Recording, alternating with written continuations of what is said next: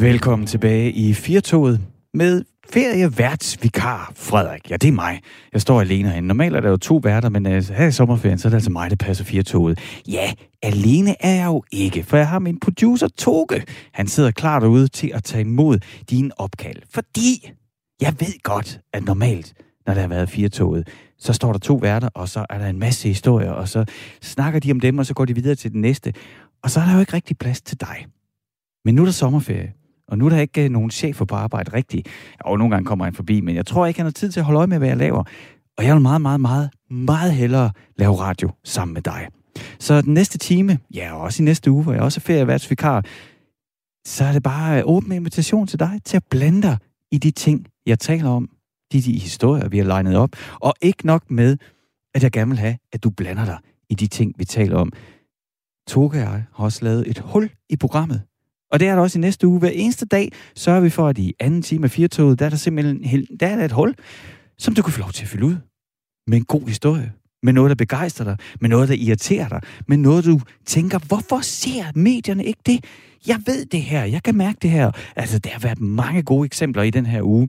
Vi har haft, øh, vi har talt om øh, at få ændret på ydelsesreguleringerne for, for, øh, for eksempelvis førtidspensionister, som, som, hvor vi har et system, der er konstrueret sådan, at, at, at man kan være to førtidspensionister, der møder hinanden og finder ud af, at gud, hvis vi skal flytte sammen, så mister vi så mange tilskud, og vores øh, pension bliver justeret, bla bla bla, til at det, det har vi slet ikke råd til at være kærester og bo sammen. Det er da gak, sådan et system. Det har vi haft om. Øh, vi har også haft det, øh, vi har været, været på en helt stor klinge med øh, vacciner og øh, øh, rige milliardærer og øh, ja, de store konspirationsteorier. Øh, Toge, hvad vil mere? Det var, hvad er det, jeg står... Jo, jo, jo, nemlig. Hvordan, så havde vi... Øh, var det Jakob, han havde... Som var igennem... Jannik, som fortalte os om, at øh, han havde sklerose, og hvordan han oplevede, at der bare forsvandt penge i sorte huller i sundhedssystemet. Han stod sådan ligesom forrest og, og, og, og havde ikke de store forventninger. Han havde brug for lidt hjælp til det og det og det, og han skulle ikke have det bedste, det var ikke det. Men han kunne bare se, at hver gang han var igennem systemet, så forsvandt der bare penge og spildtid. Øh, ja, så var der Nils, som øh, også har været igennem. Han greb chancen for at sige, at vi skal smile lidt mere til hinanden. Så du kan godt se, det hul, der er i sendeplanen, som Toge og jeg vi har lavet, det kan fyldes med hvad som helst, som du brænder for. Og hvis du nu, hvis jeg har fået tændt ild i dig, hvis du tænker, jeg har noget, alle skal lytte til, som Frederik skal høre på, så ring nu på 72 30 44 44. Det er 72 30 44 44, så tager producer Toge telefonen, og så kan det være, det er dig, vi ringer dig op. Altså, og hvis det ikke bliver i dag, så kan det være i næste uge, så kan vi aftale det. Og hvis du ellers, hvis du tænker, nej, det, det, min stemme skal ikke i radioen, jamen så kan du sende en sms. Den læser jeg gerne op og det er så let at sende en sms til mig. For mit nummer, det er 1424. Simpelthen så enkelt. 1424. Hvis du sender en sms til 1424, altså 1424, og du så lige husker at skrive R4 først i din sms, altså bogstavet R og et firtal og et mellemrum, og så skriver du ellers løs, så lander den lige her på skærmen. Og var det ikke en meget øh, god anledning til lige hurtigt at læse et par sms'er op? Fordi at vi lukkede forrige, altså den øh, timen time før, første time i dag, den lukkede vi af med et klip fra Ring til Radio 4, som i onsdags, tror jeg det var, handlede om selvtægt. Og der var Ulrik, der ringede ind og fortalte om, hvordan øh, han havde video af, at øh, han kunne simpelthen se sin punkt blive stjålet, da han havde beviset og det hele med nummerplade. Han kunne sige, det er ham, der gjorde det. Og politiet, de sagde, det vil, øh, det vil simpelthen hverken tid eller mandskab til at tage os af. Så øh, ja, Niels øh, Røvel Ulrik, han gjorde så det, man jo egentlig ikke må. Han tog sagen i egen hånd, opsøgte manden og fik sin punkt tilbage. Og jeg forstår ham godt. Jeg forstår også godt, at selvtægt, det er en skidt vej. Jeg forstår godt, det er ulovligt, men jeg forstår også godt, at Ulrik blev ramt på sin retfærdighedssans følelse. Vi har fået en sms her uden navn, øh, uden afsender, øh, men den går på det her emne. Det handler sgu ikke om manglen på mandskab, altså i forhold til politiet, men dårlig service. Har man nummerplade og ansigt på video, burde det ikke tage politiet mere end 10 minutter at finde manden, og 20 minutter mere for at tage ud og anholde ham. Det er for dårligt, og ikke første gang, man hører om sådan en situation. Så Altså, Ida øh, Sofia havde gang i noget, da hun snakkede om selvtægt. Og hvis det er sådan, du vil høre hele programmet, jamen, så kan du øh, heldigvis finde det som podcast inde på Radio 4's hjemmeside. Men øh, lad os komme i gang med den her udgave af Firtoget. Jeg siger lige igen, vi vil så gerne have, at du blander dig Ring på 72 30 44 44, eller send en sms. En sms hedder det på 1424. Husk at begynde den med R4 mellemrum. Nu skal vi til noget helt andet.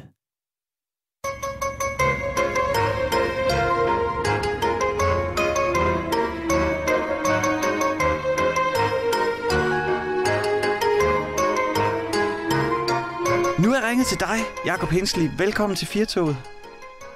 Tak skal du have, Frederik. Du er vært på øh, P6, men også på Nørd-podcasten Handuo, hvor I både dykker ned i spil, film og tv-serier, sådan på øh, ja, sådan en god nørdemaner. Og, øh, men så laver du også filmpodcastene Dårligdommerne og Hakkedrengene, og så har du Kloven podcasten sammen med Rikke Kulin, hvor I har Ja, hvor I har gennemgået noget nær øh, alle klovn-afsnit, sådan helt øh, metodisk. Er I, nået, er I færdige med sæson 6? Ja, vi er færdige med, med, med sæson 6, og vi har lavet de to første film, fordi vi har gennemgået dem kronologisk, og så lige om lidt, så starter vi jo på, på sæson 7. Og sæson 7, det var jo der, hvor kloven kom tilbage. Og der kan jeg huske, der tænkte, nå okay, altså ja, det skal jeg da se. Nej, ved du hvad, lidt, jeg stopper lige mig selv, Jakob. For grunden til, at jeg ringet til dig, det er for at mhm. begynde mm. med slutningen. Hvorfor er kloven så godt? Jamen, kloven er rigtig godt i øh, flere forskellige henseender. Jeg mener jo helt objektivt set, at der er tale om den bedste danske komedieserie nogensinde. Mm-hmm. Og det lykkes især på grund af, at øh, de tør gå til grænsen. De øh, tør tage... Øh, fordi at kloven, der er så kort tid for produktion til, at det bliver sendt, så kan det være ret aktuelt faktisk. Og så mener jeg også, at det der er den helt store gave til kloven, det er, at alle replikkerne ikke er skrevet ned. Det meste er improvisation. Altså der er tale om, at de har en idé om, hvordan en scene skal starte, og hvad der skal ske i scenen, og hvordan den skal slutte. Men hvad for nogle replikker, der kommer til at være, det er helt op til skuespillerne, og hvordan de improviserer. Og det gør bare, at dialogen virker modsat nærmest alt andet komik enormt levende, og for mit vedkommende i hvert fald meget, meget sjovere. Mm. Og jeg kan huske, dengang klokken kom, og at, altså, jeg har, har det på samme måde, og det er også derfor, man skal... Altså, hvis, man lytter det her lige nu, og sådan synes, at det der klokken, det er træls, så bliver det nogle lange øh, næste 10 minutter, fordi den aftale, jeg lavede med dig, det her, det her, det handler egentlig bare om kloven begejstring. Og det gør det, fordi ja. at øh, på søndag, der kommer sidste afsnit af sæson 8. Og øh, altså, Jacob, jeg har set, øh, ja, jeg har så set de syv afsnit, der har været indtil nu af sæson 8. Og prøv at høre, jeg synes altså, det er virkelig godt. Ja, jamen det synes jeg også. Jeg synes, de i den grad er tilbage på sporet. Det er virkelig sjovt, fordi at jeg var sgu sådan lidt, øh, jeg var lidt lunken på syvende sæson. Ja da de vendte tilbage efter, jeg kan ikke huske om det var, hvis det første run det sluttede i 2009, så mener jeg, at sæson 7 vendte tilbage i 2018, tror jeg. Ja. Altså filmene, filmene havde været inde imellem, altså film 1 og 2. Øh, så da Klon-serien vendte tilbage, så var mine forventninger, de var måske for høje i virkeligheden. Altså jeg tror, det der var problemet ved syvende sæson, som jeg ikke var særlig begejstret for, det var, jeg synes, nogle af storylinesene, nu snakkede jeg for et øjeblik siden om, at der var meget kort tid for udvikling til optagelse, til det kunne blive sendt. Jeg synes, nogle af storylinesene virkede allerede uddateret, da den, da den sæson kom. Jeg synes, noget af det virkede sådan lidt tokrummende gammeldags og kikset, som om, at det var nogle historier, de havde skrevet for en 10-8 år siden. Og så tænkte de, at de virker stadig aktuelle og sjove. Mm. Og så synes jeg også, der var et rigtig stort problem ved det. Og det var, at jeg manglede ligesom den der improvisation og den der fortælleglæde. Jeg synes, det hele var blevet for, for filmisk, og det var som om, at det næsten var overinstrueret. Men det synes jeg heldigvis, at de er fri for her i sæson 8. Jeg synes, det virker som om, at de er kommet tilbage på sporet igen, hvor der er sådan lidt mere plads til, til det legesyge og de skæve indfald og bare improvisation mellem Frank og Kasper. Altså, jeg har det på, på helt samme måde, Jacob. Jeg, jeg kan huske sådan, at der sæson 7 kom, og jeg var du ved, i forvejen sådan lidt skeptisk, for jeg er, også, jeg er også en af dem, som har det sådan, du ved, hvis du havde et stort band og et kæmpe hit i 1968, så har jeg egentlig ikke måske helt vildt behov for at se en koncert med dig i dag, 50 år efter. Nej, nej, nej, og på, præcis. Og, og, Ingen har brug for den der reunion. Ja, jeg, det, nogle gange så ville jeg egentlig hellere bare være i det der, hvor det var godt, og så sådan helt idyllisk leve i minderne om, hvor godt det var. Så du ved, i, i den idyll, så bliver tingene også ofte endnu bedre i bagspejlet. Så jeg havde det på samme måde. Jeg synes, at sæson 7, det var lidt for det var lidt for, oh, det var lidt for slap. Det var lidt for, mm, ja, okay, det virker jo. Nu gør vi det, der virker. Men jeg må sige, så, det, så, så egentlig så var det også sådan lidt med, med håndbremsen trukket. Jeg gik i gang med sæson 8, og så lige pludselig så var jeg tre afsnit inden, og så mig selv ligge øh, på skjoldet med computeren på min tyk mave, og så rent faktisk ja. grine højt ind i stuen. Men hvad er det, der er sket? Altså, jeg synes ægte virkelig, sæson 8 er sjov. Altså spillet mellem Frank og Mia, men også spillet mellem Frank og Kasper. Der er et eller andet, der ændret sig.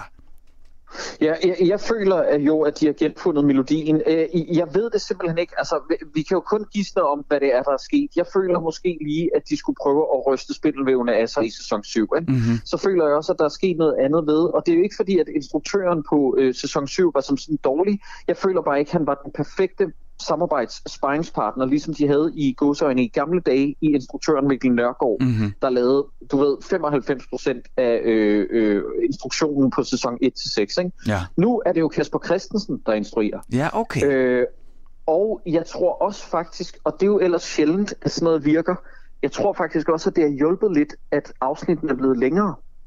Afsnittene er jo gået fra at være en 3-24 minutter til en 28 minutter nu. Nå, og så føler jeg, ja, okay. Nej, nej, og det er nemlig en god ting. Ja. Øh, fordi det, det ligger man ikke mærke til, at der lige er kommet en, en 4-5 minutter ekstra på. Og det betyder, at der er plads til lidt mere ambitiøse afsnit øh, med lidt mere ambitiøse storylines. Altså jeg synes jo for eksempel, at øh, det afsnit, der lige har været sendt, det hvor at øh, Frank han bliver højskoleforstander. mm. Det synes jeg er helt fantastisk, fordi at det er en setting, vi aldrig har set klovn-drengene i før, og mm. at det var nærmest et, et helt, hvad hedder sådan noget, et, et mikrokosmos, som lige pludselig opstod ja. med en masse forskellige nye dynamikker, ikke? som serien havde tid til, fordi at den var blevet længere. Og så synes jeg bare, altså helt objektivt set igen, synes jeg bare, der var tale om, at der var virkelig gode, sjove figurer og øh, sjov dialog. Altså, det, det, det er... Det, ja, altså, hmm, ja. Men altså, prøv, jeg siger lige igen disclaimer. Det er, det er altså bare... Øh, det, du, du lytter til øh, Radio 4, du lytter til 4 men lige nu taler jeg med Jakob Hensley, og det er ren klovn begejstring, fordi vi bare begge to synes, det er så godt. Derfor øh, kan man godt være ting, man er kritisk overfor, men sådan grundlæggende godt. Og nu taler du om afsnit 7 i sæson 8. og jeg ved det ikke, men det er sådan nogle små ting, der rammer mig. Men for eksempel den der lille ting med hende, hedder hun Merete, eller hvad hun hedder, hende højskolelæreren, den bliver der altid ja. sniger sig ind på Frank. ja. ja, ja, og så det der, og så det der perfekte payoff med, at der er en højskoleelev, der hedder Mi, som er meget, meget tæt på Mia i Franks telefonbog. Jamen, det, der, er, der er så mange gode ting, øh, som jeg synes var... Det er også fantastisk, hvordan de i gamle dage havde de jo ikke brugt øh, Våge Sandø på samme måde. I gamle dage var Våge Sandø jo bare kommet og gået igen. Mm. Men her i det her afsnit var der en grund til, at Våge Sandø var med. Og det fik de rent faktisk flettet ind i historien. Jamen, jeg synes, det er virkelig godt. Jeg synes, det bedste, jeg synes, det hands down, det bedste afsnit, der har været. To sekunder. Jeg synes, det bedste afsnit, der har været siden, at sæsonen sluttede tilbage i 2000 og... Nej, jeg kan ikke huske det. 9, siden at det første run sluttede med 6. Mm. sæson, ikke? Ja. Jeg synes, det bedste afsnit, det har klart været Balling og Bas. Ja. Hold kæft, hvor var det sjovt. Det grinte jeg virkelig meget af. Ja. Og det er jo sjovt, du siger det, fordi udover at Kasper Christensen, han øh, instruerer den her gang, så har de jo rent faktisk fået manushjælp også den her gang af, yeah. af Niel Fælsted. Og den sjove historie, det er ligneragtig Balling og Bas manuskriptet. Altså selvfølgelig ikke det, som endte i film, men udgangspunktet, det skrev hun helt selv, uden at kende øh, Frank og Kasper. Og så kørte cyklerne ud og smed det i deres øh, postkasse, og så ringede Christ, øh, Kasper med det samme, og så har hun været en del af det. Det ved jeg ikke, om, altså, om jeg bilder mig selv ind, men jeg synes, jeg kan... Jeg har sådan fornemmelsen af, det havde jeg i afsnit altså i sæson 8, afsnit 1 allerede, jeg havde sådan fornemmelsen af, at setup payoff var lidt strammere, end det plejer at være. Ja, Jamen, jeg, jeg er helt enig. Det, det er en ret vild historie, det der, i øvrigt. Ja. Øh, øh, som jo gør, Frederik, at jeg sidder og tænker, hvad laver vi med vores liv? Hvis vi bare kunne have afleveret med i deres podcast. Men, men jeg synes, det er en helt fremragende historie om, at hun har simpelthen gået med de her storylines, og de så har samlet det op. Og ja, jeg tror, du har fuldstændig ret. Det er det med, at der har været en, der ligesom har haft helikopterperspektivet, ikke? Mm. der kunne kigge ned på, hvordan kan det her fungere godt, der har gjort, at der er bedre setup payoff i den her sæson, end der var i syvende. Ja. Jeg ved godt, at vi kommer til at kaste syvende sæson meget under bussen. Jeg synes stadig, der var sjove afsnit i syvende sæson. Jeg synes bare generelt, at niveauet har hævet sig betydeligt den her gang. Ja. Jakob, hvis vi alligevel skal forsøge at være lidt kritiske her øh, i vores begejstring, så, øh, så kan man sige, at det er jo ikke alle øh, hvad skulle jeg til at sige, hvide mænd, der har passeret midt 40'erne komikere, som fungerer lige godt i nutiden. Der er sket en masse MeToo, en større wokeness. Hvordan øh, synes du, at Frank Vam og Kasper Christensen, de håndterer nutiden? Åh, oh, det er et godt spørgsmål. Jeg, jeg synes faktisk ikke, at det har været så gralt i den her sæson. Mm. Øh, jeg kan huske, det irriterede mig i syvende sæson, hvor der var kunne hjælpe med et afsnit, der hed Me Too, hvor jeg var sådan, åh, det er lidt akavet det her, det er lidt pinligt. Jeg synes faktisk, de er sluppet øh, rimelig godt afsted med det. Det er sjovt, der er nogle klovn-ting, som ældes virkelig med øne. Den første klovnfilm var jeg overbevist om, at jeg, hvis jeg gik tilbage og så den, en film, der er 11 år gammel, ja. så ville jeg virkelig tænke, åh, det er uddateret det her. Men den er faktisk ret den er faktisk ret up-to-date. Det er Nå, straks okay. værre med, med, klon, med klonfilm nummer to, Clone Forever, hvor jeg synes, den er, den er faktisk ikke ældet godt på, på nogle områder. Men nej, jeg, jeg synes, de er sluppet virkelig godt afsted med, med, med mange ting faktisk, og det, det er sjældent, jeg sidder og kromaterer på den dårlige måde, fordi det er jo meningen, at man skal sidde og kromatere på den gode måde, når man ser klon. Mm. Jeg synes, der er en figur, som de har tabt lidt på gulvet, Frederik, og jeg vil ja. gerne høre din mening. Mm-hmm. Jeg synes, Mia-figuren er gået en lidt ærgerlig retning. Jeg synes ikke, hun er så sjov længere. Jeg synes, hun spiller for jeg synes, hun spiller for sur, øh, i hvert fald i første halvdel af den nye sæson. Jeg synes, det var sjovt, det med hendes bog øh, til Hanne Vibeke Holst her det seneste afsnit til gengæld. Men jeg synes, Mia-figuren er blevet for gammel i gåsøjne på en eller anden måde. Mm. Ja, det har jeg faktisk ikke. Jeg, har faktisk, jeg vil sige, at jeg egentlig har nyt øh, sådan det, altså, det småspil, der er mellem Frank og Mia. Det synes jeg stadigvæk er godt. Men måske er hun blevet lidt for tegneserieagtig, hvor hun før i tiden var egentlig en mere sådan en helt, helt almindelig person, man i høj grad kunne identificere sig med, uden at være Mia. Er det det måske? Ja, Nå, men det, det, er, det, er, det er nok det i virkeligheden, jeg går og tænker på, fordi jeg synes ikke, hun er relaterbar og forståelig i sin frustration over for Frank længere. Ja. Fordi Frank er, og det skal guderne da vide, pisseirriterende. Men det var jo netop sjov, når hun var der til at øh, øh, agere modvægt, uden at hun nødvendigvis blev fuldstændig urelaterbar. Jeg synes også, at den vigtigste ting, øh, og det mener jeg med al kærlighed og ære og respekt til Aqua, verdens bedste band, men jeg synes, det er godt, at Lene Nystrøm er ude. Mm, men det er jo også rent ja, ja, Jamen, det, det var det nemlig. Og jeg kan bare huske, at hun blev offentliggjort som Kaspers kæreste i den syvende sæson, så havde jeg store forventninger, fordi jeg tænkte, yes, hun kan udfylde i den sko. Mm. Men de har fundet ud af i den her sæson, at Kaspers kæreste, Fnuk, som også var med i den tredje film, den der hed Clown The Final, at hun er, hun er en bedre ballast og modvægt til Kasper, end, end endnu en, en kvinde, der kan stå og råbe Kasper op i hovedet. Ikke? Mm. Det er ikke fordi, jeg ikke savner Iben Jejle, det gør vi alle sammen hele tiden. Hun var et af lyspunkterne. Men, men jeg synes, at de har fået en bedre dynamik ind i Kasper igen. Ja. Det er også det, jeg har savnet. Altså, og, og det er jo, øh, altså selvom Frank, jamen ja, jamen okay, det er rent begejstring, men jeg er fuldstændig enig, og, det, og, og man køber langt mere mm, Kaspers diller, fordi man kan godt se, han vil, han vil godt have det der med øh, sådan wholesome fnuk til at fungere. Så, så, yeah. så når de er night owls, og hvornår er de... Du ved, jeg køber det. Hvorimod, at jeg savner lidt det der med... Altså, man taler jo tit om i gode karakterer. Der skal, der skal være i gode komiske karakterer, der skal være alle mulige forskellige øh, elementer, men en af de ting, der også skal være, det er den der humanity, den der menneskelighed, hvor man kan spejle sig mm. i den. Og det dejlige ved Frank og Mia, det var, at Frank han kunne fuck så meget op, og hun blev berettiget sur. Men så var der alligevel sådan en, en humanity, en kærlighed, der gjorde, at hun i sidste ende altid kunne, kunne tilgive ham. Og det tror jeg godt, jeg vil give dig ret i. Jeg savner måske lidt den der rejse. Ja, ja, og det, det er netop det, jeg står og savner lidt. Men til gengæld, altså nogle af de påfund, de har lavet i den her sæson, er allerede, du ved, sådan smålegendariske inden for klonuniverset, hvor vi tidligere har haft undskyld, jeg ved ikke, hvor eksplicit man må være på den her kanal. Der har tidligere været Kussetuden og øh, Tour de Fis og øh, Ja-hatten, altså ting, der er blødt over i det danske sprog. Ikke? Mm. Og der er allerede sket ting i den her sæson. Altså, der er jo, der er jo kommet nu udtrykket at lave en Dejan. og det, det, det, det var virkelig også et godt afsnit. ja, det var Det er det, jeg elsker klon for. Jamen, det var fantastisk, og jeg elsker klon for, at de ting ligesom lige så stille kan finde sig vej ind i det danske sprog. Ikke? det, nu skal vi jo ikke spoile for dem, der ikke er, er kommet i gang med at se det nu, men det er virkelig, virkelig godt. Især hvis man kan slippe afsted med en dobbelt D'en. Det, er, det står på ja, øverst ja. på min to-do-liste. Det skal jeg simpelthen. Øh, Jakob, det her det kunne vi jo gøre i 55 minutter. Det må vi ikke, fordi der er andet på programmet, så vi skal til at runde af. Så jeg stiller dig bare lige det der til at gå ud. Det der helt fjollede, umulige spørgsmål. Hvad er dit absolut yndlingsklon øjeblik, hvis du kun må vælge et? Åh, oh, Åh oh, ja, det er godt nok svært at svare på. Jeg ligger et sted mellem Frank, der skider i kattebakken, øhm, fordi at han, at han er et sted, hvor toilettet ikke er blevet fikset, eller Frank, der ligger så ud med Legolas til live rollespil. øh, det er to af mine yndlingsøjeblikke i, i hele Klovns univers, hvor at rollespillerne ligesom må fortælle ham, nej, Legolas kan ikke vende tilbage, for du har dræbt ham, vi spiller jo realistisk. Han skal styre sine ildkugler. Øh, Jakob, ja. Jakob Hensley, tusind tak, fordi du vil være med her i Firtoget, og så bare dele min klovn-begejstring. Og så, øh, så lad jeg simpelthen runde af med en lille, lille ting, nemlig i sæson 8, der, øh, når man er på arbejde sammen med, øh, med Frank og Kasper, så hænger der en plakat i baggrunden med Tati-filmen Mon Onkel. Og det er jo temaet for den, som har inspireret temaet for Kloven. Skal jeg ikke spille det, Jakob? Jo, jo, det er en knaldgod idé. Så går vi ud på det. Tak fordi du var med. Jamen det var så lidt, Frederik. Tak fordi jeg måtte være med.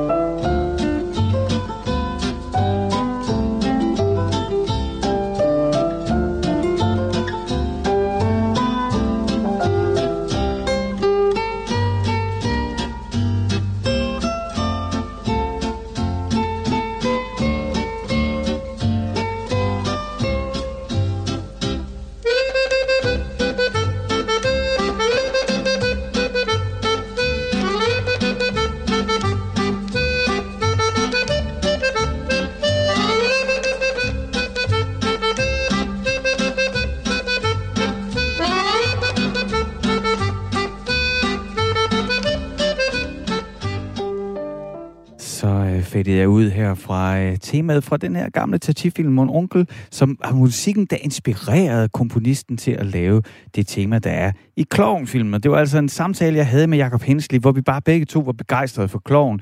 Og øh, det, det, det er Tommy ikke, fordi han har valgt at sende en sms, og det kan du også gøre. Jeg vil jo gerne høre, hvad din holdning er til de ting, vi debatterer og snakker om herinde i programmet. Og Tommy, han har sendt en sms på 1424, altså 1424, så har han skrevet R4, for det skal man nemlig først skrive et R, og så et 4, og så et mellemrum, og så har han skrevet, kloven er plat, så fordummende, så det skriger til himlen.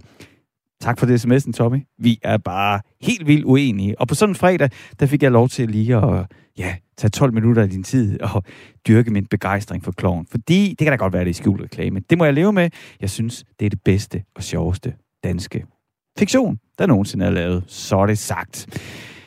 Ikke nok med, at du kan sende sms'er herind og dele din holdning. Tog og jeg, vi sørger også for, at der hver dag i anden time af firtoget, vi er i anden time lige nu, er et hul i sendeplanen til dig. Nogle minutter, hvor du kan få lov til at sige, hvad det er, du brænder for. Hvor, øh, ja, hvor jeg, altså, jeg aner ikke, hvad vi skal snakke om. Jeg har ikke noget manus. Vi må ligesom bare tage den, som den kommer. Jan, du har ringet til Firtoget. Velkommen til. Jo, tak. Hvad? Og ikke, øh, alene, ja, hvad? ikke alene er vi, jo, er vi uenige om kloven. ja, det starter nu, godt. Nu har, du også, nu har du også flået min øregang med harmonium. Ja. Og det er derfor, jeg ringer, fordi jeg har et spørgsmål til dig. Ja, ud med det, Jan. Nu er vi en, en større flok øh, skatteborgere, der har valgt at, at dele penge ud via politikerne til, at I kan tage konkurrencen op med Radio 24 og P1. Og tusind tak for pengene. Og, selv tak. Og så går I gud døde med hen og laver det om til en forlænget arm af Radio 4 eller alle de andre musikradioer med dig i spidsen. Et, Hvorfor skal vi have så meget musik på en taleradio? Jeg fatter det simpelthen ikke. Okay. Altså, så, jeg, snakkede, jeg snakkede med Toge før. Han, ja. sagde, han sagde, at det kan, være, det kan være svært at definere. I øvrigt meget flink fyr, Toge. Han er en god fyr. Øh, ja, han siger, det, det, kunne være, det kan være svært at definere en taleradio. Nej, det er defineret i ordet tale. Ja. Okay, prøv, bare lige Jan, så jeg er helt sikker på, hvad det er, vi diskuterer. Øh, hvis vi lige tager licenspenge og det hele fra, så det du siger, det er, hvorfor spiller I musik på en taleradio? Det er det, der irriterer Hele tiden. dig. Yes. Hele tiden. Hele tiden. Ah, altså nu står jeg og sender to timer om dagen her. Altså, altså så meget musik. Altså, der er en lille smule musik. Så synes jeg for eksempel, nu har vi lige lavet det her om kloven. Der synes jeg, at det der altså, du, i stedet for at jeg snakker om, at man har taget temaet fra en gammel fransk, øh, tema fra en gammel fransk film, så synes jeg, at det giver mening at spille eksemplet, så du kan høre, hvad det er, jeg mener. Gør det ikke? Om, om, nej, om fem minutter, så skal du støve Dan Raklin af igen, så han kan spille et eller andet. Ja, ja, ja. Til, nej, til at sætte nej, weekenden nu, i gang. Du sidder som vikar på et program, ja. som burde være det nemmeste, fordi lytterne fylder det op for dig. Ja. og så skal du alligevel spille musik. Men ikke, ikke nok med det. Øh, hvis vi nu skal prikke til den, Jan, så, øh, så er jeg jo vikar, men jeg, jeg sender jo nu her så sommerferie for mit program. Jeg har et program, der hedder Stusgade, der sender hver fredag fra 5 til 7. Der spiller jeg jo, der, altså der er det jo halvdelen af tiden, jeg spiller musik. Uh, jammer, jeg har hørt det. nu hører, jeg, hører ikke, jeg hører stort set ikke musik, og når jeg vil, så går jeg hen og sætter mig i, mm. i et hjørne, og så lytter jeg til et eller andet, jeg kan lide. Okay. Og jeg skal være helt ærlig med dit program. Ja. At du og en kammerat, eller en gæst, du tager ind, sidder og taler om jeres musiksmag. Mm. Det kan I gøre over en bajer nede på den lokale. Det ja, ja. ikke mig. Nej, okay. Og jeg får intet ud af det. Det gør du ikke. Altså, er det fordi, er det fordi musik, musik altså, altså, det slet ikke interesserer dig, eller, eller det irriterer dig måske også? Det irriterer mig helvede til at skulle høre det i en taleradio. Altså, det skal ja. afbrydes hele tiden. Ja. Der, altså, fra, fra kl. 18 af og frem, der er der stort set anden musik. Der er ja. en, en pige hos jer, der har, øh, der har et program, hvor hun, hvor hun laver det over musiktema. Aha. Altså, det, det hører ingen steder hjemme i en taleradio. Det synes du ikke? Så lige skal rykke over på, på Radio 4. Mm. Altså, øh, jeg, jeg, Jan, du er ikke alene. Da, jeg lader lige komme en sms ind. Jeg læser den op, lige som den står. Hørt, hørt, hørt, hørt, hørt. Der er fem hørt. Der er for meget musik. Jan, så ja. der, der, altså, der er helt klart opbakning til din holdning. Altså, hvis vi skal sådan kigge på det teknisk, så tror jeg, at der er Øh, du ved, øh, nu startede du med at sige, at, øh, at I vil selvfølgelig betale licens, og det er dine licenspenge. Nu er det vist over skatten, ikke? Det er ændret sig. Men, men du ved, hvad jeg mener. Det er jo dem, der betaler min løn, og der gør, at jeg så også står og spiller musik. Øh, jeg er ret sikker på, at den kontrakt, der er indgået med Slots- og Kulturstyrelsen, der står der nogle musikkvoter. Ja, og dem tror jeg, I har overskrevet længe, for længe. det, det, kan, det, det, det, det, det, det kan jo selvfølgelig godt føles sådan. Øhm, men, øhm, men, men det er jeg ret sikker på, at det bliver reviseret. Ja. Bare svar på det, jeg spørger dig om. Hvorfor skal der spilles musik eller tales musik hele tiden? Vi gennemgår, øh, hvad hedder de, Beatles livshistorie. Ja. Ham, øh, Ja, ja, ja. For Billers livshistorie. Ja. Det er musik i et væk. Jamen, og jeg, jeg kunne være flabet og sige, skyldes det måske journalistisk dogenskab, at I ikke kan fylde programmet ud? ja. Øh, nu skal du høre, jeg læser lige nogle flere sms'er op, fordi du er ikke alene. Hørt, hørt, hørt igen. For meget musik. Haha, godt sagt med den bajer-ting. Ja, det var det der med, jeg skulle... Det, det, og så er, der, så, nu er der en, der skrev, at der er faktisk lidt for meget musik på radio. Også i sammenligning med Radio 24 Så I er klart, der er flere derude, der har holdning. Øh, Jan, der skal, være, øh, der skal virkelig være plads til dig. Jeg siger bare lige, at øh, mit program, det triller her. Vi har kun et minut tilbage, så vi skal til at lukke af. Jan, altså, jeg kan ikke give dig et klart svar. Jeg kan selvfølgelig sige, at jeg synes jo, at der er rigtig meget fodbold, når jeg tænder for radioen. Og jeg er så ligeglad med fodbold. Men jeg elsker at lytte til folk, der taler om musikken. Og det er selvfølgelig også derfor, jeg har det program. Så vi finder nok ikke nogen løsning. Men altså, øh, oh, Jan, du får en til. Den får du lige på vej ud af døren. Jan har helt ret. Også nattevagten er blevet ødelagt med en times forkortelse og masser af musik. Og du har nok ret. Det er jo nok lidt billigere. Altså, det er jo nok lettere at få tingene til at hænge sammen, hvis der er sådan en gang imellem, kan smide et nummer på. Men jeg kan sige dig, men, men Jan, jeg, jeg må ikke bare lige sige, der er ikke nogen, der dårner hernede. Alle knokler. Så det er jo nok også noget, hvordan tingene er sagt sammen. Du har 20 sekunder, Jan. Hvad er det sidste, der skal være? Inden du smider mig ud, så ring til Dan Arkling og siger, at han får ikke nogen penge i dag. Og, aflyser og, så, og, så, og så lave Slusgårdsgade op. det, den er modtaget, Jan. Jeg kommer ikke til at gøre nogen af delene, men du må have en rigtig dejlig weekend. I lige måde. På Firtoget, ja for det første, velkommen til Firtoget. Jamen tak. Det er jo sådan en, blevet sådan en god uh, tradition, når jeg får lov til det at er være det. vikar. Det er altid en fornøjelse. Vi er så kloge, når vi snakker med hinanden. Jamen, er det, det, er i hvert fald den følelse, jeg altid går med. Det kan godt være, at lytterne tænker noget andet, og det skal man også være velkommen til, fordi det er der plads til. Men i hvert fald, hver gang jeg bliver bedt om, jeg må være, øh, og har lyst til at være vikar på Firtoget på Radio 4, så står du, øh, ja, både fordi dit navn begynder jo med A, så du står relativt højt i min telefonliste, men du står altså også højt på ønskelisten, når det jeg ringer til. Jamen, det er dejligt. Det er jeg glad for. Og, Annette, og det er jo fordi, at her på Firtoget, der beskæftiger vi os jo som regel med det, der er sket i dag. Eller som man siger herover, det der er over i tiden. Men ja. det gode, når jeg skal snakke med dig, det er, at jeg kan spørge, hvad er der oppe i fremtiden? Ja, hvad er oppe i fremtiden? hvad rører sig Hvad derude? rører sig derude? Hvad venter på os? Der venter så mange gode sager, Frederik, det gør der. Er det rigtigt? Det, og det er, ja, altså det er jo meget, meget typisk i dag, at mennesker bekymrer sig. Mm-hmm. Og alt, hvor man kigger hen, ikke, så er der jo bekymringsoverskrifter. Det må, her med, hver eneste gang, der sker noget godt. En indskudt bemærkning der. nu har vi simpelthen sådan nogle dejlige solskinsdage. Altså, okay, jeg er altså inde på radiostationen og kigger ud af vinduet, men jeg kan jo godt unde alle, der er derude, at solen skinner, ikke? Og når jeg mm. kigger i min vejrudsigt-app, ikke? Så kan jeg også se, at så langt frem jeg kan se, der ser det godt ud. Så her i weekenden, ja. jeg er fri, så skal jeg også ud i bølgerne. Men alligevel, inden jeg åbner den der øh, vejr-app på min telefon hver morgen, så tænker jeg, nu er det nok blevet skidt. Ja, ikke også? Eller også er det nok blevet for varmt. Ja. Og det her med puha, så bliver man også helt lavet, og det er sikkert også noget klima for noget opvarmning, ikke? Og så kommer ja. der også blågrønne i vandet, og så dør hunden og sådan noget, ikke? Altså, vi, vi er jo fantastiske i forvejen danskere til at finde brokmomenter. Der er ikke noget, der bygger bro mellem danskere, som når vi får lov at brokke os. Når noget det er noget lort. Ja, når noget er lort, ikke? Så kan ja. ligesom mødes på den laveste fællesnævner. Ja. Men det er også meget naturligt i dag, at man bekymrer sig. Og bekymring er jo det, som vi fremtidsforskere kalder den mest fæsende måde at forudse fremtiden på. Fordi når du bekymrer dig, så ser du jo sådan set tidens trends rigtigt. Ikke? Du kigger op, og så ser du ud, og så kan du se, uh, demokratiet er under pres, øh, folk taler ikke pænt til hinanden på nettet, der er klimaproblemer, der er biodiversitet, øh, MeToo, er der må et arbejde til mig i fremtiden, hvad med uddannelsen, ikke? Altså vi ser alle problemerne, mm-hmm. men det er egentlig meget typisk, at det er sådan noget, som gode mennesker gør. Altså gode mennesker er jo dem, der bekymrer sig, og meget tit så ligger det også i de gode mennesker, at man bekymrer sig på andres vegne. Mm. Så hvis man sidder derude som lytter og bekymrer sig, så kan man trøste sig med, så er det faktisk bare, fordi du er et godt menneske. Okay.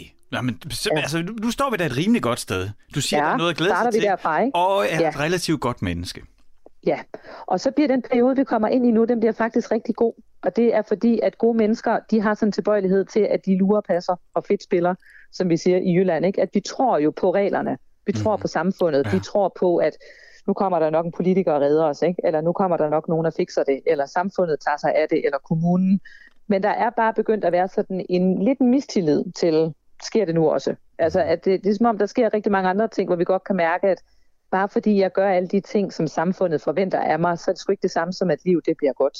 Mm. Øhm, jeg, har, jeg er mor til fire, ikke? Altså, jeg siger jo ikke til mine børn, at de bare skal få gode karakterer og et fast parforhold og et parcelhus og et fast arbejde, så bliver alting godt. Det siger jeg jo ikke til dem. Nej. Altså det med, at spillereglerne er lavet om, og vi skal alle sammen til at begynde at tage os lidt mere af hinanden, og det er der bare rigtig mange danskere, der har fundet ud af. ja. Så de begynder jo at være sådan lidt mere rebelske i deres tilgang og skabe tingene selv og lave reglerne om, og det kan føles lidt som om, man snyder. Men det er det her med, at der, der skal ikke så meget til, før at vi egentlig kan skabe glæde og, og, og en bedre hverdag og et bedre fællesskab for hinanden. Men der er sådan en periode her, ikke, hvor vi sidder og kigger på fremtiden, og vi bekymrer os rigtig meget, og der skal man egentlig bare tænke, så er det jo bare, fordi jeg er godt menneske. Mm. Det, der kommer til at ske i løbet af de næste periode, vi går ind i, det er, at vi begynder at skabe tingene selv. Det er fællesskabernes tid, vi går ind i, Frederik. Det er meget sjovt, du siger det. Øh, jeg har en, en god veninde, som jeg lige mødte, og hun har flyttet lejlighed, og, øh, og noget, der, der sådan hang i, der, der ringer sådan ind i hovedet, det var, at hun flyttede sådan fra altså en sidegade til Vestergade i Aarhus. Det er næsten som midt ind i byen, som man kan komme. Og så hun flyttet op i øgaderne, lige ved siden af sådan et pragtfuldt åndehul i byen, der hedder øh, Børnenes Jord. Ikke? Øh, mm. Og det, som hun sagde, jeg tog med derfra, det var, hun sagde, det er så dejligt, vi hilser på hinanden. Det er som om, mm. vi er et lille fællesskab.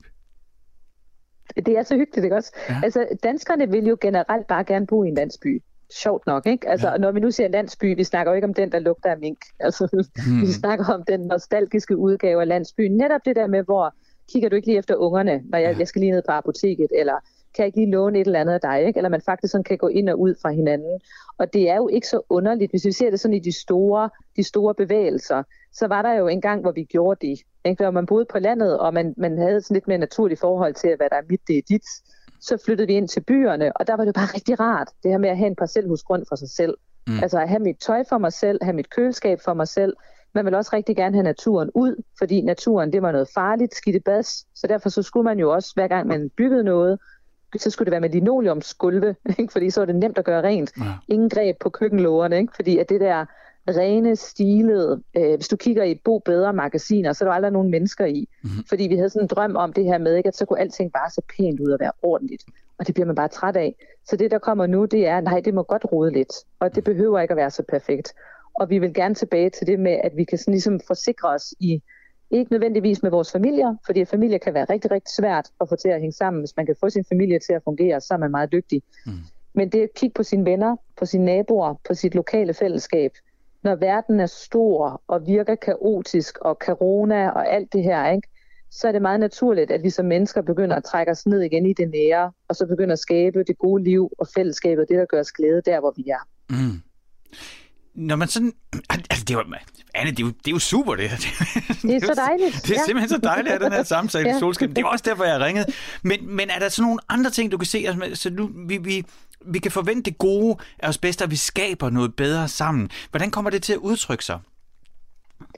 Jeg tror, at det kommer til at udtrykke sig i, hvis vi ligesom prøver at hoppe fem år til, ud i fremtiden, ikke? Ja. og man sådan kigger tilbage, det er altid sjovt, det kan man også tage over middagsbordene derhjemme. Ikke? Det her med sådan at prøve at forestille sig, at ej, kan du huske det en gang, hvor et eller andet. Ikke? Mm-hmm. Altså jeg tror, at sådan noget som netop med at, at handle er rigtig meget, det der med at være en forbruger, det er vi jo allerede i gang med at ændre til, at vi i stedet for kigger på, hvad vi har brug for.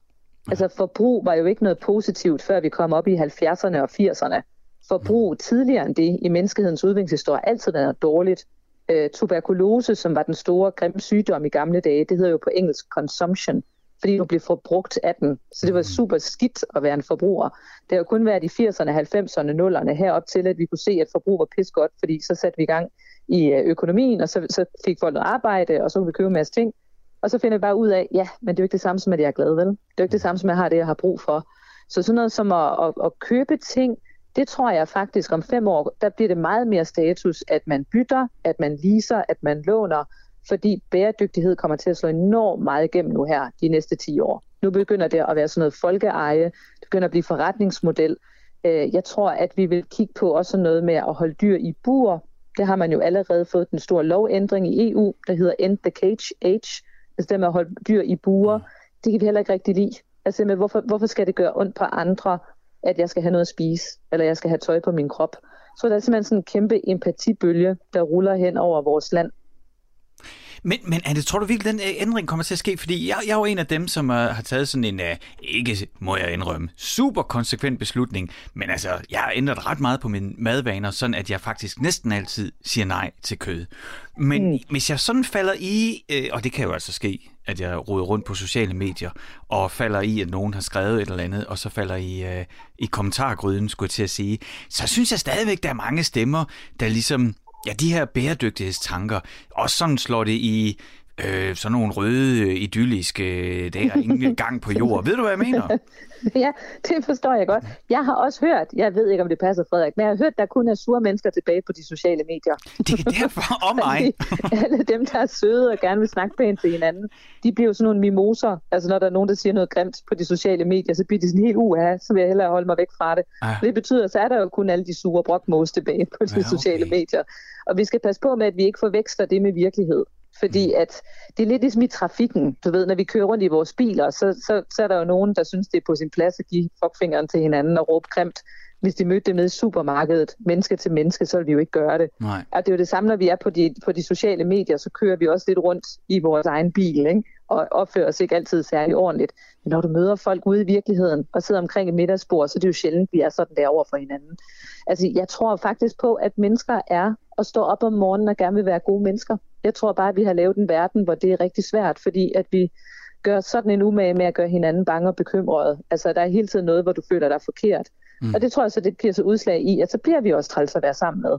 Men hvis vi alle sammen er villige til at give lidt mere os selv, altså lidt mere, lige lidt mere kram, lige lidt mere smil på, ikke? give lidt ja. mere plads til hinanden, Øh, jeg, blev for, jeg blev råbt af her i trafikken den anden dag, og så råbte jeg tilbage, jeg håber, du får en rigtig dejlig dag, og jeg er rigtig ked af, at jeg holdt et sted, der ikke var rart for dig.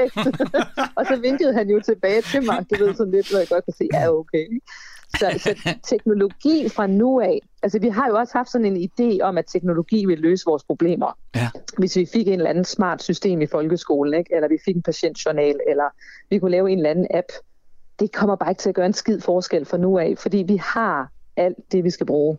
Det er lidt ligesom om, at fremtiden er ingredienser. Det er ligesom hvis vi to skulle lave en kage, mm-hmm. så har vi alle ingredienserne. Men vi er nødt til selv at vælge ingredienserne. Vi kan ikke bare tage 20 ting og blande det sammen vel, i en Nej. blender med ananas og muslinger. Altså det kommer ikke noget godt kage ud af. Du og jeg, og dig kære lytter, der sidder derude, skal selv vælge, jamen hvad er det egentlig, jeg gerne vil lave? Hvad vil jeg gerne skabe? Hvad vil jeg gerne være med til? så kan jeg godt sidde og være kritisk og kynisk og lave satire på det og pege fingre af andre. Det kommer ikke nogen kage ud af. Så fremtiden vil bare rigtig gerne have, at vi kommer i gang. Den siger, prøv at høre, alle de problemer, I har lige nu, de har én ting til fælles, og det er, at der er ingen, der kan løse dem alene. I skal alle sammen til at arbejde sammen, men når I så gør det, så vil I finde ud af, at I har alt det, I skal bruge, og I kommer til at pardon my French, fuck det op rigtig mange gange og lave rigtig mange fejl. Men det er det, der bygger fællesskaber op undervejs. Mm. Altså, vi er her jo ikke, fordi livet skal være nemt. Vi er her jo, fordi det skal være super besværligt, og fordi vi skal lære noget om os selv, og fordi at det er vores tur til at lave en, øh, en god verden på basis af alle de ting, der aldrig har eksisteret før. Anne Skar, fremtidsforsker, det gider jeg altså godt være med til. Jeg synes, det lyder rigtig godt. Jamen, ja, ja, det synes det lyder godt det hele, og øh, en perfekt måde at kravle mod øh, weekenden, og hvor jeg også øh, kan holde en lille smule fri og komme ud i solskinnet. Er det. Anne Skar, tusind tak, fordi du var med her i Firtoget til at sprede lidt glæde og solskin. Velbekomme. Altid en fornøjelse. Og så fortsat god ferie. Ja, det må du. Men inden at jeg talte med, øh, at vi har hørt samtale med Anne Skar, der talte med Jan. Jan han er lytter, fordi at Toge og jeg, min producer, vi inviterer dig til at ringe ind hver dag. Vi har lavet et lille hul i sendplanen. Du kan ringe på 72 30 44 44, og så kan du sige lige, hvad du vil. Så kan du komme med dit budskab. Og Jans budskab, det var, at vi spiller for meget musik. Han kan ikke forstå det. Det er en taleradio. Hvorfor spiller I så musik? Og ikke nok med det, at, jeg er ferievikar her hver fredag. Altså ikke i sommerferien, men øh, det begynder igen her til august. Der har jeg et musikprogram her på den her taleradio. Hver fredag spiller jeg musik og taler om musikken. Og øh, Ja, som jeg sagde, man kan ringe herind, når man har noget, et budskab. Det kan man gøre på 72 30 44 44, så tager øh, Toge telefonen. Men man kan jo også sende en sms. Man kan sende en sms med sin holdning ved at sende den til 1424 og begynde den med R4. Og det er flere, der har gjort. Karina, du skriver en sms, du skriver enig med Jan, altså ham, der synes, der er for meget musik. Du sætter jo heller ikke lyden af en ventilator på, når du taler om udluftning, eller lyden af en bil, når man taler om motorveje. Altså Karina, dengang, hvor man havde tid til at lave radio, der havde man faktisk lydeffekter til at underbygge. Det er jo enormt stimulerende med lyde under tale. Det kan jo få, lave, man kan jo danne billeder med lyde, så Karina, du, jeg ved, hvad du mener, men jeg synes ikke helt, du har ret. Og jeg har også tænkt lidt over det. Altså, musik er jo en kunstart, der egner sig særlig godt til radio.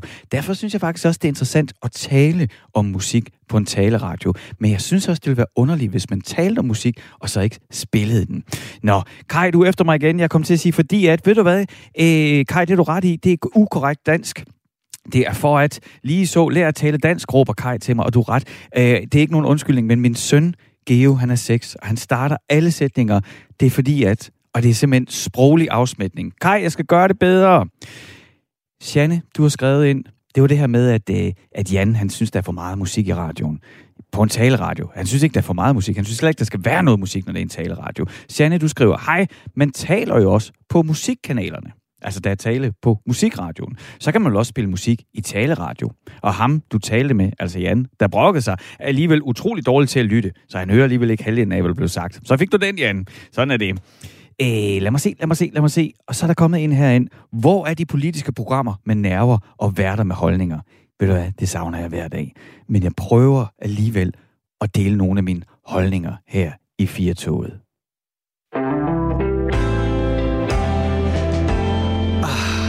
Det er snart weekend. Det er jo dejligt, og det er jo også en anledning til at, ja, hvis vejret er med en, at øh, jamen, man kan øh, kaste sig om i solen og ikke skulle noget. Det er i hvert fald, altså, også, jeg, jeg har en, øh, en søn på 6 geo, altså det, det, er, det er meget sjovt. Noget af det bedste, han ved, det er, hvis vi ikke skal lave noget. og jeg, for det giver mig sådan en kronisk dårlig samvittighed, for at tænke, gud, det, det stakkels barn, han skal noget. Det, det sådan, det er sådan glæden i ham, når han finder ud af, at vi ikke skal noget. Så kan vi bare ligge og kigge op i himlen. Og øh, jeg er sådan en af dem, der har svært ved, jeg, jeg, nu skal vi lyde lidt pivet, ikke? Men, men sådan, jeg, jeg vil påstå, at jeg har lidt lysfølsomme øjne. Så når solen skinner meget, så kan jeg ikke ligge og læse eller kigge i min telefon, men jeg kan lytte. Og derfor så jeg ringet til dig, Dan Raklin. Velkommen til Firtoget. Tak skal du, tak skal du have, Frederik. Øh, jeg synes, øh, jeg synes, introduktionen var, var, var interessant. Jeg synes, vi lever i en tid, hvor vi specielt med vores børn, nu er det for mit vedkommende ved at være så som så med børn, fordi de er jo fra 15 og op efter. Ja. Øhm, men altså, det, det emne, som du var inde på, der med, ja. at vi pine død skal have dem i, øh, i Fårup Sommerland og direkte videre til stranden, og så til Legoland, og så på Fiskemuseum, osv. osv. Øhm, altså, vi, vi, vi, som forældre har vi det med at, at, at, at lægge nogle, nogle, nogle, nogle byrder og nogle, noget, noget, noget, nogle krav ind, som, som børnene faktisk slet ikke deler. Jeg tror meget på det, der du var inde på med husk nu for helvede, og ikke mindst i sommertiden og i sommerferien, ja. at have de der dage, hvor der sker lige præcis ikke en skid. Altså det, øh, så der, øh, der, der, der ramte du lige en nerve øh, i forhold til, øh, til, til, til et fokuspunkt. Jeg har Lad være med at gøre hver dag i en sommerferie eller i andre ferier til et langt øh, commando raid, fordi øh, børnene elsker de der dage, hvor man spiser brunch kl. 11 og frokost kl. 15-16 stykker og aftensmad sent, og indimellem har man kigget på en sommerfugl og, ja. og, og, og, og talt op, hvor mange sandkorn der er i hånden. Ja, hvad ved jeg? Altså, det, det, det, jeg synes, det er en super vigtig point der. Jamen, jeg, jeg er så enig, Dan. Når jeg tænker tilbage øh, på min egen barndom, så øh, det er jo egentlig det er begrænset, hvad jeg kan huske af sådan store ting, der skete. Men jeg kan huske følelsen af sommer. Altså, øh, jeg voksede op i sådan noget social boligbyggeri i Horsens, i Mimersgade. Røde murstensblokke der, ikke? Og det der med bare at gå dernede i, i de dage, der nu er varmt, ikke? Og i sandaler og, og shorts, og så øh, håbe på, at min barndomskammerat Søren her var hjemme, og hvis han ikke var hjemme, så må man lægge en ny plan. Men, men du ved, at tingene bare ligesom skete. Og jeg har jo begået øh, simpelthen en, altså virkelig, nej, men altså, jeg kan ikke anbefale det, men nogle gange så ender man jo i situationer, hvor der ikke er andre øh, udveje, og det er, jeg er blevet skilt. Ja, det er altså for mange år siden, ikke? Men, men det betyder, at mine stakkels børn, de har jo så to forældre, der er klar til at altså, drive dem rundt i sommer sommerferien. Ja, ja. ja. Jeg, øh, altså, jeg, jeg har det som, som sådan... Øh, ej, jeg har mange fikspunkter, ved folk også godt om, mig. jeg har nogle, nogle emner, jeg næsten ikke kan slippe, men, men, men lige præcis det der øh, øh, har, har været enormt vigtigt. Vi har lejlighed på Mallorca og har haft det i 20 år, og øh, der går vi op til, til vores kilde, som vi kalder det, som sådan en kildevandspool, vi har oppe i, på, på bjergsiden. Og altså, der går øh, en time med at få pakket den sædvanlige kurv med et håndklæde og lidt vandmelon og en flaske vand og en bog og en iPad og sådan noget.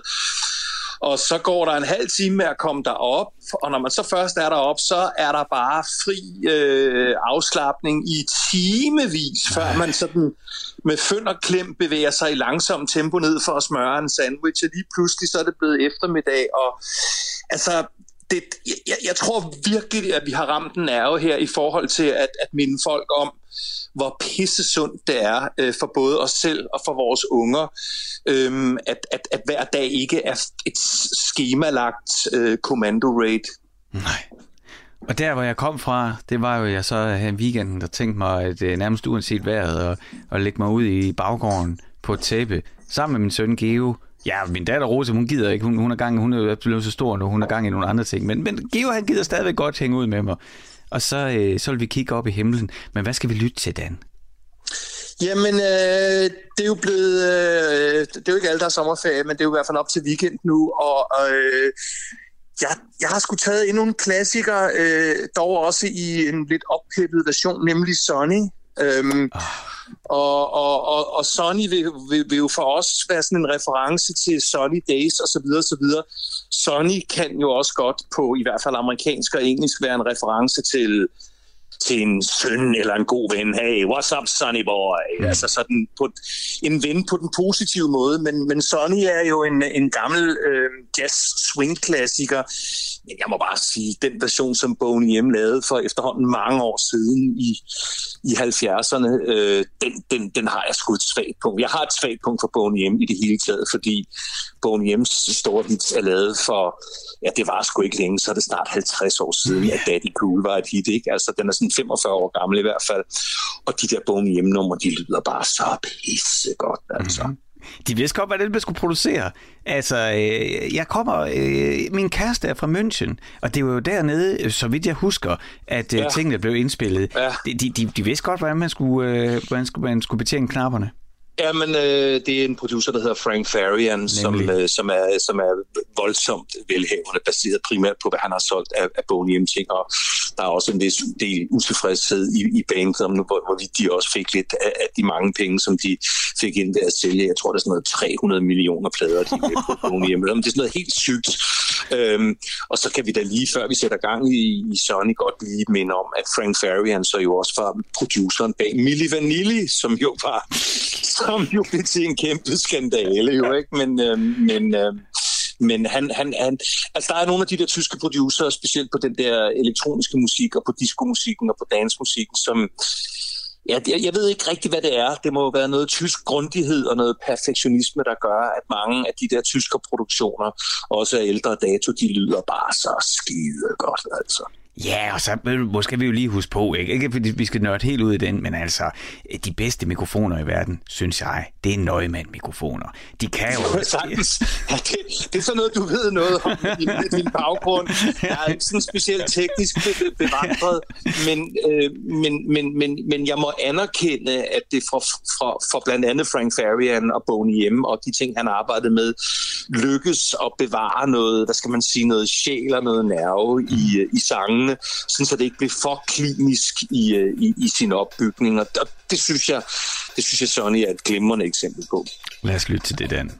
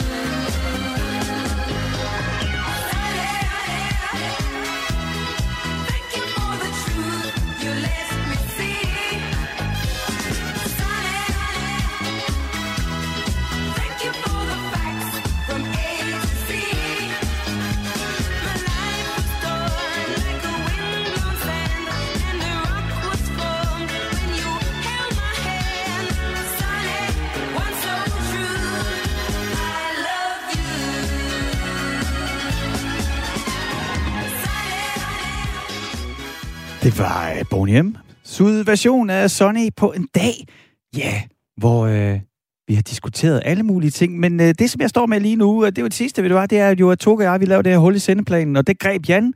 Og Jan, han sagde, hvorfor er der musik i min taleradio? Det er ikke det, jeg betaler licens for. Ikke for, at I kan stå og spille nummer og spille musik. Jeg vil have taleradio. Og øh, Jan, der var der jo en masse sms'er, der bakker op. Jeg tænker, du skal lige have de sidste sms'er, der er kommet ind. Arne, han har skrevet, hellere musik end en vært, hvis stemme går i overgang hele tiden, og som betoner teatralsk igen og igen. Jeg håber, jeg læste den godt op, Arne. Og øh, så er der også, øh, Daniel, du har skrevet, det lader dig til, at de sure mennesker også laver andet end at være på sociale medier pissefed gennemgang af Beatles, og det er jo selvfølgelig en reference til, skal vi spille musik, eller skal vi ikke spille musik her på stationen? To og jeg, vi takker af og går på weekend. Vi glæder os til på mandag, 5 minutter over 3, hvor vi er tilbage med mere firetoget, og glæder os ja, til at diskutere med dig og høre dine holdninger. Du lytter til Specialklassen.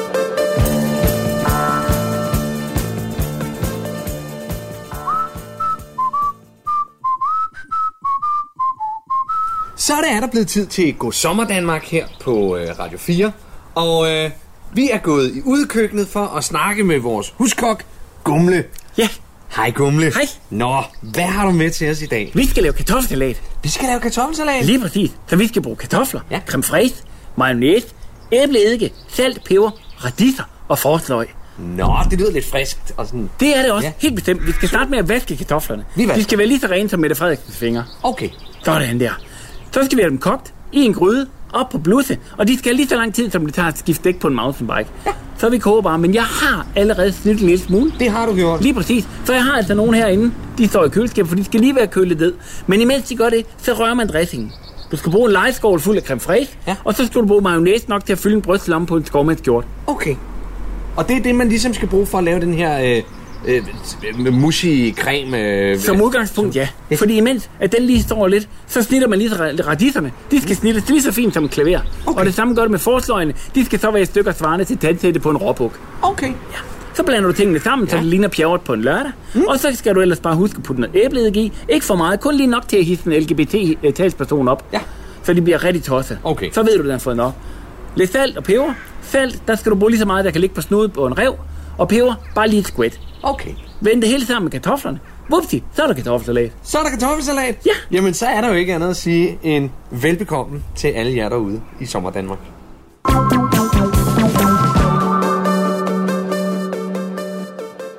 Det var specialklassen, der som altid fik lov til at lukke firetoget af. Jeg har taget solbriller på, fordi jeg er på vej ud af døren. Nu er der nyheder lige her på Radio 4.